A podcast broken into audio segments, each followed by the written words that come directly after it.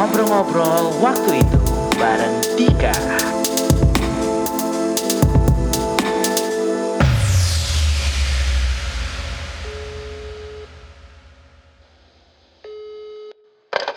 Halo Kakak Iyas, Halo di, apa kabar?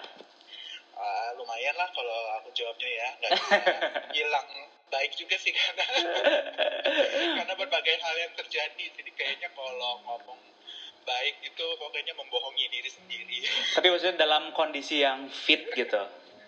Iya, kalau kondisinya sih untuk daily activities bisa, terus Oke. juga ya dibilang fit juga beda lah dengan ya dokter pun juga heran, jadi oke-oke aja sih sebenarnya. Ah, Alhamdulillah. Nah, Kak, aku mungkin teman-teman yang dengerin pada nggak tahu ini siapa sih Iyas ini. Coba diperkenalkan diri siapa dirimu. Iya, oke. Halo em, semuanya, nama gue Iyas dan gue itu pejuang kanker sekaligus juga eh, traveler ya. Gue melabeli diri gue dengan itu sekarang dan gue itu sering sharing-sharing masalah eh, kanker gue ini di channel YouTube gue. Sekarang itu gue juga memang masih aktif kantor, tapi masih aktif juga pengobatannya. Oke. Jadi tetap eh, kalau nggak kantor tetap masuk kerja ya. Tetap tapi kalau dalam keadaan kayak gini sih em, kitanya working from home ya cuma maksudnya tetap memang Mhm. masih aktif gitu bukan Oke. kan kadang-kadang ada yang kalau kanker itu jadi uh, kerjanya tuh benar-benar nggak aktif gitu kan kalau ini Mhm. statusnya masih aktif Oke, oke, oke, oke. Nah, sekarang emang kan temanya aku pingin ngebahas tentang yang tadi aku bilang tentang sebelum kita mulai rekaman ini yaitu tentang si eh, dirimu adalah salah satu survivor cancer gitu kan. Karena aku Iya. juga kenapa aku ter- eh, tertarik untuk ngambil tema ini karena di keluargaku juga sebenarnya eh, kita ada eh, cancer bloodline hampir jadi dari kakek eh, i- apa ibuku juga sama cancer juga dan eh, tante-tante juga. So eh, aku pingin pingin tahu nih kalau dari di- dari dirimu itu pertama kali terdiagnosa cancer tuh kayak gimana dan gimana sih pertama kali reaksinya dan respon keluarga tuh kayak gimana? Oh, oke em, ini sebenarnya udah berlangsung dari 2016 pertengahan ya Dari 2016, itu, oke. iya berarti kurang lebih hampir 4 tahun yang lalu Mm-mm. dan itu sebenarnya terdiagnosa kan kansernya itu pas tahun 2017 jadi maksudnya baru ketahuan itu kanker 2017 Oke. jadi eh, eh, dari pertengahan 2016 sampai 2017 itu gue terdiagnosa oleh penyakit lain gitu. Jadi bukan cancer awalnya justru ya? bukan. Jadi em, dan itu pun juga gue nggak pernah kayak cuma ke satu dokter doang ya. Jadi aku tuh selalu ke dokter lebih dari dua bahkan. Oke, iya mulai iya. dari dokter umumnya maupun dokter spesialisnya. Cuma enam bulan pertama itu aku eh, diagnosis sebagai syaraf kejepit Oke, jadi maksudnya eh, pertama kali kalau boleh tahu itu terdeteksinya eh, ada di sebelah mana bagian apa gitu? jadi kan emang rasain sakit di Hmm. lower back dan itu kayak lower back pain itu kan menurut dokter karena aktivitas aku yang memang sering aku olahraga dan olahraganya itu banyak kan weightlifting Yes. jadi itu kayak itu udah lumrah gitu loh Mm-mm, kayak mm-mm, mm-mm. orang biasa kalau nge-gym itu lower back pain udah lumrah banget jadi disangka itu dan Oke. pertama itu memang kan hanya dicoba konvensional aja tuh biasa kayak fisioterapi Mm-mm. kemudian eh, disuruh berenang gitu yang yang maksudnya nggak nggak pengobatan medis tapi coba aja secara konvensional terapinya Eh, kalau itu membaik ya udah nggak usah terlalu dimacem-macemin kan memang rata-rata kayak gitu ya tapi Iya. ternyata dari waktu itu ingat banget jadi Juni itu Mhm. baru balik dari trip juga Vietnam kan Iya. Vietnam Kambodia dan itu kan ya kalau negara itu Vietnam Kambodia kan yang agak petualangan gitu Iya. jadi sama dokternya disimpulin, oh ya kamu selain olahraganya aktivitasnya kayak gitu, kamu pun juga baru pulang liburan, pasti ini kecapean, makanya tuh sakit kayak gitu. gitu. Oke. Nah, pendekatan secara konvensional itu suruh berenang segala macam itu sekitar dua bulan tiga bulan lah. Fisioterapi juga rutin tuh, Iya. ya, eh, Mm-mm. minggu ada dua kali. Nah, nggak membaik kan, Mm-mm. akhirnya di MRI. Mm-mm. Nah di MRI kelihatan bahwasanya memang ada bantalan tulang yang menjepit syaraf tuh kayak orang-orang syaraf kejepit kan memang gitu ya. Iya, benar benar benar benar ya benar. kan dilihat bahwasanya disnya itu menjepit dan lokasinya itu persis banget di lumbal 34 jadi itu memang lokasi yang biasanya orang kena syaraf kejepit di situ kalau misalnya aktivitasnya kayak yang weightlifting Iya, iya, iya, iya. udah kan Mm-mm. akhirnya nggak kunjung membaik sampai November akhirnya diputusin uh, operasi. Ya maksudnya gue akhirnya memutuskan itu gara-gara kan dokternya juga udah pengobatan lima bulan tapi kok nggak ada perubahan nah, gitu ya? Uh, uh, akhirnya kan mau nggak mau ditempuh jalur operasi. Tapi ini pun operasinya juga yang minor jadi pakai jarum terus dialirin laser. Oke. Okay. itu bulan November. Tapi di bulan November itu sebenarnya udah ada benjolan yang yang udah sangat berasa. Oke. okay sebenarnya sebenarnya udah ada. Jadi waktu Agustus itu ada tapi kayak apa ya masih mas perabanya kayak masih kecil banget gitu loh hmm. jadi kayak kayak nggak menjadi perhatian. Tapi kok November itu makin gede. Oke. Okay. aku ngomong tuh ke dokter. Ini benjolannya gimana? Nggak mendingan diperiksa secara menyeluruh dulu baru proceed ke operasi gitu kan. Hmm. terus dokternya bilang uh, udah itu masalahnya kan beda spesialis ya ini yeah. dokternya spesialis ortopedi jadi dia bilang itu nanti saya rujuk kamu ke internis yang ini saya beresin dulu gitu oke okay. ya udah deh percaya dong gara-gara kan tuh memang dokternya udah dua atau tiga udah lebih lah gitu yeah, yeah. spesialis syaraf pun juga udah mengiyakan terus tahu-tahu singkat cerita udah kelar operasi sakit masih sakit tuh sampai bulan Desember. Padahal harusnya kan pemulihannya kayak cuma dua minggu doang. Iya. Tapi sampai Desember itu udah berjalan sebulan masih nggak uh, baik kemudian dilemparkan ke internis. Nah internis ini pun juga udah ke beberapa nih tapi semuanya itu me menyarankan untuk dibiopsi. Jadi memang yeah. harus diperiksa dulu. Diangkat kan itu kelenjarnya diambil sampel diteliti itu apa supaya pengobatannya tepat. Okay. nah lucunya dokter bedahnya waktu itu ada yang pernah ngomong ah ini mah ah, kamu kemungkinan TBC kelenjar. Okay. ada bisa juga kanker gitu ya cuma kemungkinannya kecil banget lah melihat kondisi kamu gitu kan. Karena kondisi aku tuh waktu itu kayak uh, banyak penyakit remeh gitu. Jadi okay. uh, uh, kayak batuk pilek tuh gampang keserang terus kayak demam demamnya itu juga turun naik gitu loh dik. Uh, jadi kayak malam tiba-tiba demam nanti paginya ya udah turun gitu. Oke okay, oke okay, oke. Okay. terus malam-malam itu juga ada kayak keringetan padahal itu AC adem-adem aja gitu bukan karena AC panas atau apa enggak. Jadi hmm. tiba-tiba sekujur tubuh keringetan aja basah. Pagi-pagi ya enggak lagi dan itu biasanya terjadi waktu malam. Gatel-gatel pun juga gitu kan itu kan kayak penyakit-penyakit remeh ya. Iya iya iya iya. Ya kan? Nah udah tahu-tahu keluar hasil biopsinya itu itu akhir Desember tuh setelah Natal tuh. Oke. okay keluar. Hasil diagnosisnya cancer. Tapi kan kalau cancer nggak bisa satu kali itu doang ya. Jadi betul betul betul. ada ada tes tambahan lain gitu loh. Mm-hmm. untuk melengkapi diagnosisnya itu kan mesti ada PET scan. Terus uh, yang uh, sampelnya itu juga harus melewati tes pewarnaan untuk me- mendeteksi itu subtipenya apa yang gitu gitulah dan okay. untuk memastikan. Nah pokoknya semuanya itu semua tesnya itu uh, merujuk ke kesimpulan cancer itu waktu Januari awal. Pas banget waktu gue ulang tahun. Jadi kado ulang tahun kadonya. Oke. Okay. dan itu langsung udah ketahuan langsung uh, stadium berapakah atau gimana? Udah. Dan uh, waktu tanggal 9 Januari itu pas ulang tahun gue ketahuan kan semua hasilnya komplit ketahuan stadium 4 dan di titik yang gue sakit lower back pain itu mm -hmm. ternyata waktu di MRI kan itu kan kesannya tuh tulang yang menjepit syaraf. Uh -uh ternyata di PET scan itu itu kan kelihatan ada aktivitas sel apa enggak ternyata itu adalah tumor bukan tulang. Jadi yang membesar di situ itu adalah tumor dan itu nggak bisa terbaca di MRI makanya mungkin di situ gue menyimpulkan oh ya mungkin dokter-dokter ini nggak nggak bisa menilai itu aktivitas kanker saat waktu gue di MRI gitu karena kan tesnya beda pe pencitraannya gitu. Oke okay. jadi bisa dibilang ini nggak sih kayak keterlambatan untuk mendiagnosa atau salah mendiagnosa dari awal gitu? Um, waktu itu sih gue bil apa nanya ke dokter kanker gue kayak hmm. gitu literally.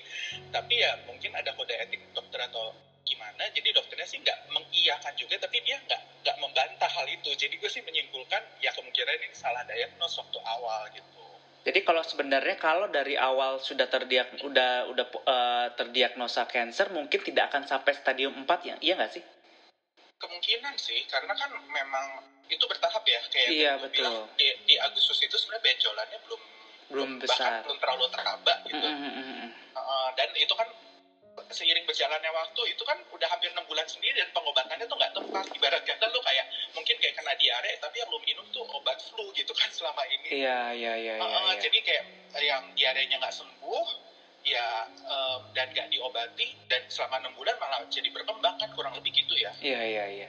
Terus gimana? Respon keluarga? Kalau respon keluarga itu sih yang lebih parah ya bisa gue bilang dari gue jadi maksudnya waktu itu gue ngeliat kayak keluarga gue tuh malah lebih shock gitu dibanding gue sendiri. Padahal kan di sini posisinya ya gue kan gitu ya. Iya, iya, iya. ibarat kata musibahnya tuh di gue Uh, tapi kayak keluarga yang lebih ada gue lihat mix feelingnya tuh lebih kenceng gitu. Ada ya maksudnya kaget juga gara-gara kan mereka juga ngelihat selama ini gue tuh uh, clean eating terus habis itu pola hidup sehat terus habis itu juga begadang nggak sering juga gitu. Tapi kok bisa kena gitu Oke, terus eh apa ya? Si cancernya sendiri cancer apa ya? oh kalau gue cancernya itu hmm, cancer uh, lymphoma Limfoma. tipe hot ya lymphoma tipe Hodgkin subtipe klasik jadi itu kalau di bahasa Indonesiain kanker kelenjar getah bening Oh ini kelenjar getah bening cuma letaknya yang tadi yang di belakang punggung itu ya? Eh, karena udah stadium 4 sih letaknya udah di seluruh tubuh sih cuma yang paling sakit itu yang di tulang itu kebetulan Oh oke oke oke oke oke. Tapi dari keluarga ada ada ada keturunan atau ada ya ini nggak dari cancer lain gitu? Nah ada sih tapi nggak sebanyak kamu juga kalau kamu kan kayak literally banyak banget yang kena ya Iya, kalau aku sih kayak selang-seling sih bener kayak X and Y gitu. Jadi dari kakek ke cewek, ke cowok, ke cewek gitu. Kan Nah, biasanya cancer begitu kan? iya sih kalau dengar-dengar kayak oh, dari cerita orang lain juga begitu tapi kalau aku tuh sebenarnya sedikit jadi dari yang circle aku aja. Nah itu tuh benar-benar cuma kayak kakek dan nenek dari papa gitu. Dan em, yang dari papa itu lima bersaudara itu nggak ada kenapa-kenapa. Terus Mhm. dari turunan nyokap itu juga nggak ada kenapa-kenapa. Dan kakak gue pun tiga orang itu nggak ada yang kenapa-kenapa juga. Sepupu gue, sepupu gue juga nggak ada yang kanker Mm. gitu. Jadi kayak em, nggak tahu sih eh, apa kemungkinan dari segi genetiknya sih menurut dokter ya memang tetap ada gitu ya. Jadi ada bakatnya cuma sebenarnya bakatnya nggak gede juga sih karena di keluarga gue nggak terlalu banyak sebenarnya. Ah, Oke oke. Tapi sebenarnya kalau kalau menurut dokter sendiri kita tuh sebenarnya carrying uh, cancer kan setiap manusia ya nggak sih? Heeh. Tapi whether kita uh, apakah itu aktif atau enggaknya ya dengan kehidupan kita ya dari pola makan, pola olahraga segala macam ya nggak? Pola hidup Iya, gitu. Iya betul sejauh ini sih eh, dokter masih percayakan hal itu ya dan ya menurutku juga ya oke juga sih benar cuma ada beberapa yang outlier gitu kayak aku ini masuknya outlier gara-gara kan dokter tuh mencoba menggali penyebabnya kan kenapa aku kena dan Mm. ya paling mungkin sih genetik tapi genetik pun tuh nggak banyak gitu karena Oke. dari, hanya dari kakek dan nenek terus dia interview lagi kamu ngerokok nggak alkohol nggak aku kan enggak terus habis itu kamu jarang olahraga nggak apa sering jadi setelah digali-gali akhirnya dokter aku menyimpulkan oh kayaknya kalau dalam kasus kamu ya kamu bad luck aja gitu Ya lu gitu banget ya bad luck gitu kan kesannya kayak oh my god it's Ya, a curse literally, gitu iya. kan. Hah? Oh my god, baiklah. Terus eh, setelah ini setelah, setelah akhirnya dilakukan eh, pengangkatan operasi dong. Eh, itu enggak sih eh, biopsi biopsi doang itu untuk sampelnya. Tapi untuk pengobatannya gue nggak nggak melakukan operasi. Jadi untuk limfoma itu karena dia bentuknya dan di kelenjar getah bening nempelnya si kanker kanker itu Hmm, dia nggak bisa dioperasi. Dan apalagi gue kan udah stadium 4 ya jadi udah nggak lokal kan. Oke. kecuali mungkin kalau kalau masih lokal itu kayak kayak breast cancer gitu-gitu itu kan bisa dimasektomi atau di Betul, betul, betul, betul, betul. Nah, kalau lymphoma itu perlakuannya beda. Jadi memang tiap-tiap kanker itu nggak nggak sama pengobatannya. Ada yang bisa dioperasi, ada juga yang enggak. Ada yang Hmm. harus di kemoterapi dan kemoterapinya ini pun bisa kemoterapi yang oral. Jadi hanya minum obat doang atau kayak gue kemoterapinya harus yang diinfus. Nah, kalau gue kemoterapi infus. Oh, oke oke oke. Nah mungkin teman-teman sendiri yang ngedenger nggak eh, kurang paham dengan si eh, limfoma ini sendiri. Kira-kira eh, kalau yang bisa dikasih tahu nih kalau eh, awal eh bukan awal ya, ibaratnya kayak eh, letak Tanda-tanda gitu. tanda-tandanya ha, apakah Ya. ada di bagian manakah atau tidak menentu gitu atau ketika misalnya dipen- dipegang sakit atau kan didiemin aja tiba nyut-nyutan gitu atau gimana? Ya, ini memang pertanyaan yang paling banyak kebetulan yang di selama ini ditanyain ke gue. Dan kalau gue ngejawabnya gini, pokoknya memang tanda-tanda yang paling bisa gitu ya, paling bisa dideteksi adalah benjolan. Mm-mm. Nah, jadi tapi benjolan itu gini, lucunya kalau misal kamu raba dan benjolannya itu terasa sakit, itu justru kamu nggak perlu khawatir Oh jadi kalau dipegang itu sakit itu berarti bisa jadi kayak ya udah kayak mungkin eh, otot Kayak atau lagi- saraf gitu apalah gitu ya. iya kayak lagi pas lagi kecapean aja kan kamu kadang kalau kecapean uh, Kalau ya, ibaratnya kayak kelenjar tiroidnya membengkak karena ibaratnya lu kena Iya. virus bakteri apa jadi ya tubuh melawan gitu ya. Jadi ada Iya, jadi iya. benjolan. Iya, betul, exactly. Aduh, Dika udah paham banget. Oke oke terus. Tapi benar, benar itu benar banget. Jadi kalau di raba sakit itu biasanya hanya em, apa aksi tubuh kita terhadap Hmm. ya itu tadi karena mungkin kan kita lagi ada eh, melawan tadi eh, virus, bakteri dan segala macamnya. Mm-mm. Cuma kalau dipegang nggak sakit itu baru eh, harus alert ya. Tapi jangan panik ya. Cuma maksudnya kayak itu kemungkinan yang paling bisa kita eh, kita waspadai lah. Oke. itu kalau misalnya kita raba dan nggak sakit tapi masih di bawah kayak dua minggu itu juga nggak perlu khawatir kayak maksudnya eh, biasanya kalau misalnya dia bertahan lebih dari sebulan baru ada kemungkinan ke kanker kalau misalnya ini ini juga dari pengalaman dan gua nanya-nanya ke dokter ya tapi Iya. balik lagi tiap orang sebenarnya beda karena kanker itu tuh serandom itu gitu Oke oke oke. Eh, Sulit ditebak ya kayak gebetan gitu kan. Maunya apa oh, gitu iya kan. gara-gara serandom itu, gue ambil kayak rata-ratanya ya dari setiap orang. Biasanya itu kalau misalnya udah lebih dari sebulan baru dikonsultasikan. Mm-mm. Dan itu pun juga kadang yang nanya ke gue, nanya eh, saran dari gue gimana. Di sini gue bilang em, biasanya gue itu ngejawab kayak itu bukan kapasitas gue untuk menyarankan lo sebaiknya biopsi atau enggak. Oke. Cuma uh, based on experience gue, mendingan setelah sebulan nggak ada perkembangan dalam artian nggak kempes, ada baiknya dikonsultasikan ke dokter. Nanti dokternya yang menentukan. Itu pun gue bilang juga harus kayak lebih dari satu dokter lah untuk Oke, menanyakan- second opinion lah ya, biar kita bisa. Iya. Ah, ah, ah. Iya, biar pasti. Nah, uh, kemudian ini benjolannya itu kayak berasa keras gitu loh. Jadi nggak mobile. Kalau misalnya kayak masih ditekan terus habis itu kayak masih kayak bisa kegeser-geser, Hmm. Itu juga biasanya sih bukan sih. Jadi dia biasanya kayak uh, keras yang mengkel gitu dan biasanya kalau misalnya udah ukurannya minimal setelur buyung burung puyuh Hmm. Ah, ah, nah segitu baru yang agak alert kalau misalnya agak lebih kecil gitu ya Hmm. atau kayak sekacang polong Hmm. tapi kayak udah keras itu baru yang biasanya sih bisa ngarah ke cancer tapi kalau misalnya kayak meskipun udah sebesar telur burung puyuh tapi misalnya kayak masih agak mobile gitu masih kayak lembek itu sih setahu gue belum pasti ke situ ya maksudnya Oke. kemungkinan besar nggak ke kanker Oke, dan apa tadi aku bilang apakah dia tiba-tiba suka nyut-nyutan sendiri gitu? Apa enggak? Eh, bukan nyut-nyutan ya lebih kayak kedut-kedut gitu loh Oh, Ah, kedut-kedut. kalau nyut-nyutan kan ke sana sakit. Iya, ha Ah, ah. Jadi hanya kayak terasa mengganggu, tapi nggak sakit. Rasanya kurang lebih gitu. Oke, oke, oke, oke.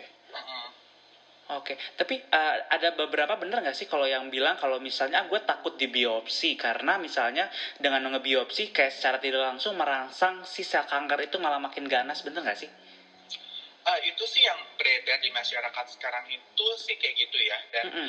ini juga kalau kalau based on pengalaman gue, gue nanya ke beberapa dokter dan mereka sendiri pun juga ada yang berpendapat iya dan berpendapat enggak gitu loh. Jadi Uh, bahkan dokter pun juga masih belum bisa mengambil kesimpulan gitu ya. Jadi apalah gue menurut gue di kapasitas gue gue juga belum bisa menjawab hal itu karena dokter pun belum bisa menyi- menyimpulkan. Cuma uh, kalau gue sih mandangnya lebih ke ya kamu tergantung udah yakin apa belum gitu loh. Dan uh, kalau misalnya masih bisa diatasi dengan tanpa di biopsi gitu ya, misalnya Mhm. kamu coba dulu memperbaiki pola hidup kamu misalnya atau enggak mengendalikan stres tiba-tiba dia kempes sendiri ya ya alhamdulillah puji Tuhan gitu kan. Iya, iya, jadi betul, betul, aku betul. biasanya gini coba aja kamu tunggu dulu sebulan. Tapi kalau misalnya sampai terasa itu mengganggu banget dan ternyata nggak kempes kempes kemudian jadi ada gejala lain. Gejala lainnya juga tuh selain benjolan biasanya kayak tadi penyakit penyakit remeh mulai bermunculan tuh. Kalau udah mulai kayak gitu ya aku bilang ya mendingan konsultasi ke dokter nggak ada pilihan lain. Karena kan toh kita udah berusaha dulu nih secara Betul, betul, betul, tubuh betul. kita sendiri gitu. Tapi kalau misalnya ternyata belum berhasil ya mau nggak mau ke dokter gitu. Dan eh, dari situ tinggal kamu keputusannya gimana keyakinannya. Cuma sih sebenarnya kalau dibilang eh, itu ya ada dokter yang memang percaya bahwasanya itu mitos sih. Tapi uh, bahkan dokter di Singapura ada yang pernah mengiyakan tapi dia si dokter yang gini ya. Dia uh, masuk tim dokternya waktu itu jadi okay. bukan dokter utama aku jadi aku pernah second opinion ke Singapura mm-hmm. dokter utama aku sih nggak sempat aku tanyain karena dia super sibuk nah, okay. tapi kan dia punya tim tuh nah timnya ini kan terdiri atas anak-anak uh, eh, NUS gitu ya kalau di kita tuh kayak RSCM Iya, gitu, iya. Tapi yang kayak masih koasnya gitu ya atau semacam begitulah. Nah, mm-hmm. itu ada yang berpendapat bahwasanya memang iya kalau di biopsi sih memang uh, itu kan akan menghasilkan luka which is kalau misalnya nanti lukanya itu uh, ada sel-sel baru untuk menutup itu nah sel-sel barunya itu kemungkinan ya ada pembelahan yang abnormal kayak kanker itu which is oh, ya makin menyebar. Katanya sih ada yang bilang kayak gitu cuma kata dokter yang muda itu waktu itu cuma kan gini kalau misalnya udah diketahui meskipun kankernya jadi lebih ganas tapi kita jadi lebih cepat bisa ngobatin. Waktu itu dia ngomong kayak gitu. Kalau aku nggak salah paham ya karena kan yeah, dalam yeah, yeah. dalam bahasa Inggris dan dia logatnya juga Singlish Singlish gitu kan. Cuma yang aku yeah, pahami yeah, yeah. adalah dia berkata seperti itu waktu itu tim dokter yang di Singapura. Jadi aku kayak masih 50-50 nih karena yang di Indonesia pun ada yang bilang itu mitos, ada juga yang bilang itu makin ganas. Oke. Okay. Dan setelah setelah akhirnya sudah melakukan perawatan dan uh, sudah kemoterapi juga, berarti udah kemoterapi yang keberapa ya? Kalau boleh tahu. Udah udah 23 kali nanti. Udah ke 23 uh, wow. lagi aku yang ke 20 serta udah radiasi udah radiasi 55 kali. Oke, dan setelah itu baru nanti baru yang eh, rutin setahun sekali ya nggak sih? Uh, rutin setahun sekali sih itu biasanya kalau udah uh, complete remission, tapi itu jatuhnya check up ya. Check up ya. Hmm. Iya. Oke, dan apa aja nih biasanya yang di efek yang ditimbulkan karena kalau gue dari nyokap gue udah pasti adalah kerontokan rambut sampai botak karena itu yes. sudah pasti kan ya karena kan obatnya juga terlalu keras ya kayak yang dimasukkan ke dalam tubuh dan kadang kalau emang lagi kondisinya nggak fit banget itu bener-bener yang lemes banget ya nggak sih? Iya betul uh, dan kalau boleh nambahin ya selain hmm. yang tadi disebutin ada perubahan berat badan biasanya. Oke. Okay. Ini orang uh, stereotipnya adalah udah pasti turun tapi nggak juga ada yang turun drastis atau ada yang naik drastis. Hmm. Jadi udah pasti perubahan berat badan. Kemudian ini yang paling penting juga yang sering luput adalah perubahan emosi. Iya pasti jadi lebih ini ya kayak jadi cepet baperan ya kak. Iya uh, waktu waktu dulu sensitif gitu. Kayak gitu nggak? Iya iya apalagi apalagi kan ini kalau breast cancer kayak aset lah ya wanita tuh mahkotanya yeah. tuh adalah uh, payudaranya mereka gitu. Tapi yeah. ya gitu pas lebih sensitif gitu. Oh iya berarti, Pasti. berarti benar juga. Oh, oh. Mm -hmm. Itu itu emang parah sih. Apalagi kan uh, kalau cewek ya tadi mm -hmm. aku bilang. Bahkan aku aja yang cowok itu juga ngerasa banget sedikit aja uh, terusik gitu ya. Mm -hmm. Itu either perasaan marah atau perasaan sedih itu itu kayak gampang ke trigger.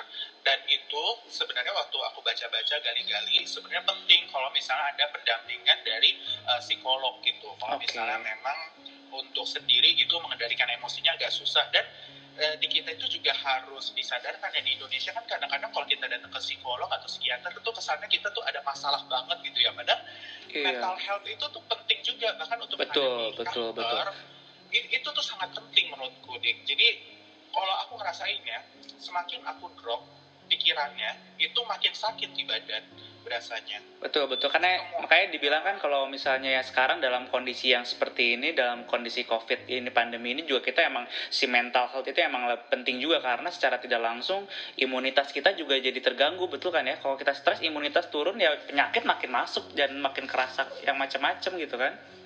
Betul. Dan dalam uh, konteks kanker ini tadi kan kalau pengobatan kemoterapi sama itu mm-hmm. uh, radiasi itu juga ada bikin kan kita makin mual gitu-gitu kan iya nah, iya betul itu mualnya itu akan semakin tinggi kadarnya mm. kalau misalnya kita tuh lagi stres iya aku betul, betul. banget uh, uh, kayak aku kan juga sering side effectnya masalah kulit ya mm-hmm. itu makin gatel juga kalau misalnya Oke oke. Nah, kak, ini kan mungkin mungkin uh, dari teman-teman kita mungkin ada yang nggak gimana ya, maksudnya yang secara financially mereka uh, tidak cukup lah gitu. Kadang kan suka bingung, apakah pengobatan alternatif itu termasuk juga jadi pilihan untuk bisa ibaratnya untuk menyembuhkan cancer? Oh oke, okay. kalau ini balik lagi ke tiap-tiap orang ya. Bahkan ada orang yang justru lebih cocok pengobatan alternatif. Oke, okay, oke. Okay. ada serius. Bahkan kadang gini ya, ada yang alternatifnya tuh juga bener-bener cuma yang kayak minum air doang atau enggak yang kayak cuma berdoa doang dan itu tuh kayak cuma sekali datang bayarnya sukarela kayak dia cuma keluar seratus ribu dua ratus ribu dan ini bener-bener aku dengar cerita orang gitu. Okay. karena aku kan pernah datang juga kayak alternatif alternatif mm. itu tuh aku udah aku juga bahkan udah upload di YouTube aku. Itu lengkapnya bisa dilihat di situ ya. Oke okay, nah cek tuh YouTube ya. Udah soalnya bener di situ kalau aku ceritain semua di sini kan agak kepanjangan panjang ya kak? baik. Ya yeah, benar-benar yang aku coba itu banyak banget. Jadi ada yang bentuknya tindakan alternatif yang bentuknya tindakan loh ya. Iya betul. Tindakan itu aja udah sekitar uh, enam. Itu aja yang aku dokumentasi. Kemudian yang bentuknya pengobatan uh, yang aku masukin bentuknya pengobatan tuh yang kayak sorry sorry yang masuknya obat kayak konsumsi-konsumsi daun sirsak lah. Atau kah ini ya, biasanya apa? Uh, kunyit apa, putih apa sih? Apa kunyit putih? Iya, ada, ada. Ah, ah, ah, ada kunyit, kunyit putih, kunyit putih itu. Terus habis itu aku juga pernah pakai minyak burung emu lah dari Australia. Pernah juga uh, minum yang placenta rusa merah lah dari New Zealand segala macam. Itu lengkapnya ada di YouTube. Dan itu semua yang pernah aku coba, masalahnya ada yang pernah sembuh juga gitu. Oke. Okay. Tapi di aku nggak berhasil. Oke oke oke. gitu. Jadi oh, kalau misalnya aku bilang sih coba aja. Dan itu yang penting misalnya kamu yakin ya. Hmm. karena ada yang aku coba tapi aku sebenarnya nggak nggak serak juga gitu. Dan nggak nyaman. Akhirnya aku tinggalin. Tapi kalau misalnya memang kamu serak dan kayak ikhtiarnya di situ ya coba aja dulu. Kalau aku sih sebenarnya agak moderat ya. Karena memang aku melihat juga ada yang sebut di alternatif. Dan ada temanku juga nih bahkan dia pengobatannya di Amerika hmm. dia pakai medis malah kondisi pasiennya lebih parah gitu loh. Jadi yang okay. sakit waktu itu uh, uh, papa papa mertuanya. Nah diceritain kan ke aku kan. Dan dia tuh jadinya nggak ngedukung medis karena dia ngeliat kondisi bapak mertuanya tuh malah makin mengenaskan gitu loh. Iya, dan, iya benar benar. dan butuh-butuhnya nggak selamat juga sih. Jadi dia tuh kayak ada anti medis sekarang gitu. Nah, sementara kalau aku, aku merasa lebih better setelah pengobatan medis. Oke, okay. mungkin karena mungkin kita juga lebih percaya gitu sama dokter karena udah ada ilmunya, jadi kayak udah gue lebih percaya gitu. Jadi secara kayak ke ke kepikiran juga jadi kayak stimulannya, oh ya udah gue lebih yakin gitu dan gue bisa sembuh dengan mereka gitu kan. Uh, kalau kalau dalam kasus aku sih nggak gitu ya karena aku justru hmm. aku justru medis duluan loh dik. Oh, Oke. Okay. Aku justru medis duluan. Terus, kenapa aku akhirnya beralih ke alternatif? Karena waktu medis, aku udah 8 kali kemoterapi dan 20 kali radiasi waktu tahun 2017. Hmm. Itu nggak berhasil. Oke. Okay.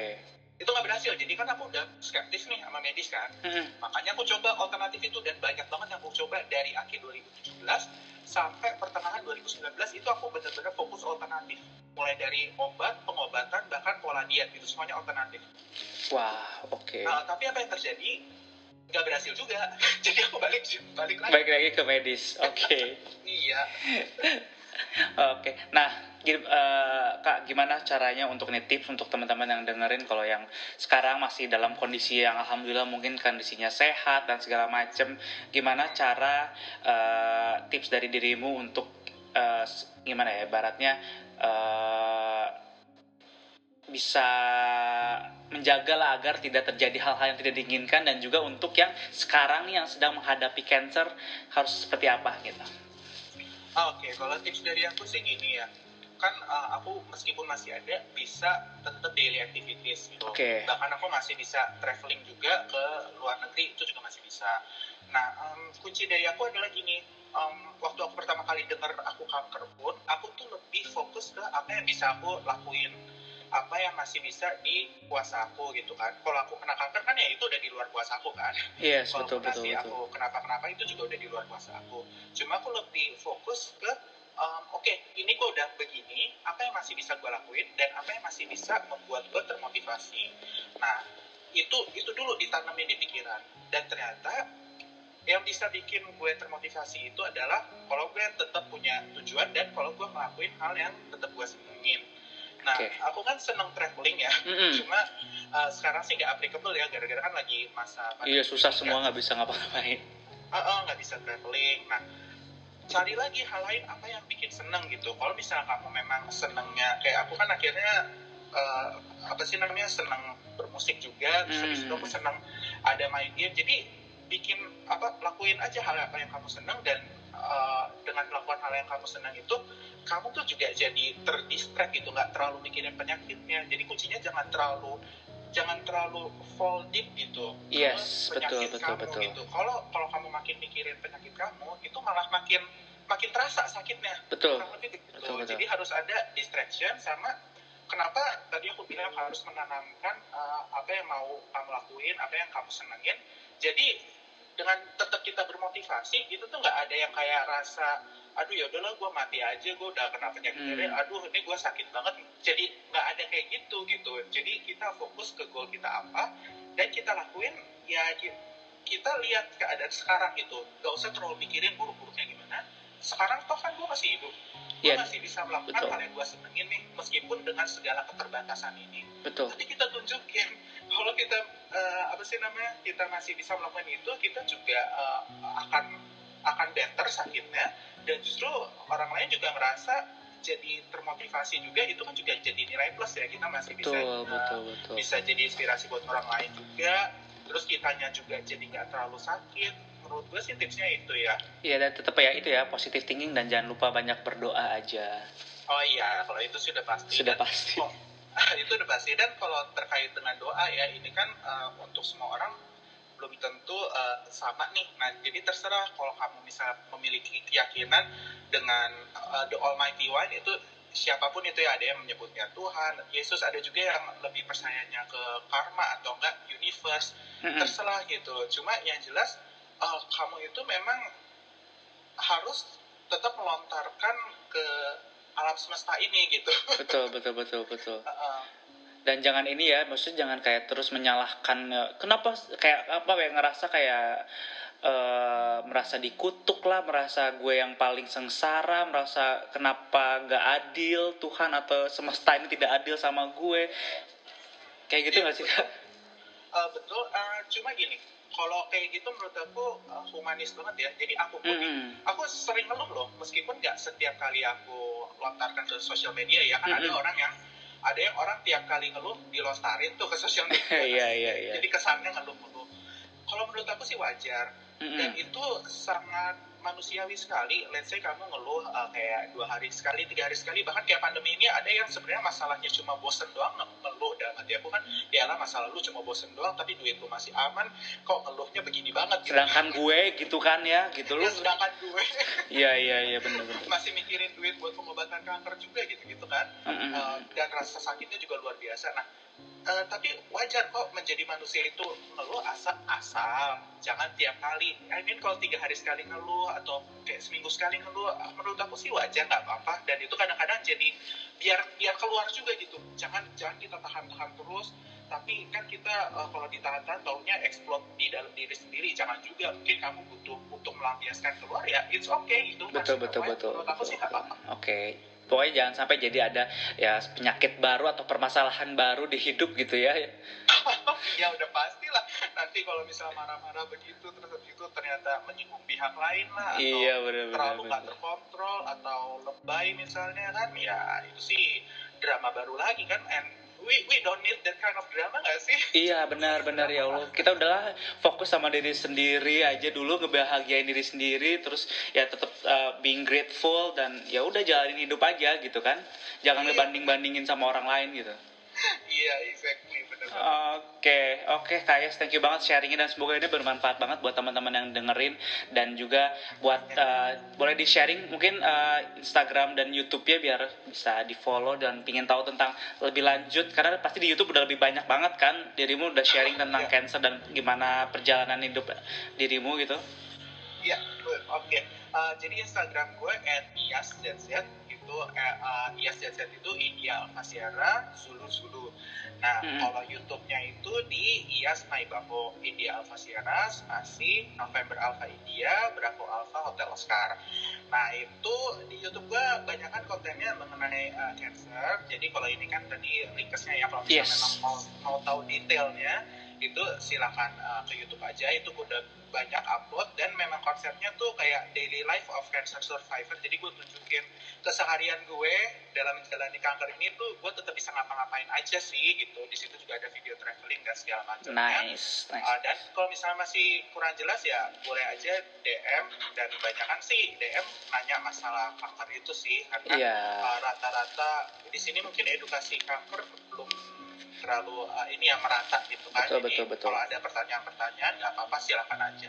Aduh, pokoknya Iya. ini deh aku udah agak kehabisan kata-kata tapi moga-moga kita bisa melalui ini semua deh ya. Ya amin amin amin amin. Pokoknya sama-sama jaga kesehatan juga. Semoga uh, segera disembuhkan dan juga ada keajaiban miracle lain yang akhirnya bisa kembali beraktivitas normal ya kak. Iya, amin, amin, amin, amin. Oke, stay safe kak. Bye bye. Ya, bye bye. Ngobrol-ngobrol waktu itu bareng Dika.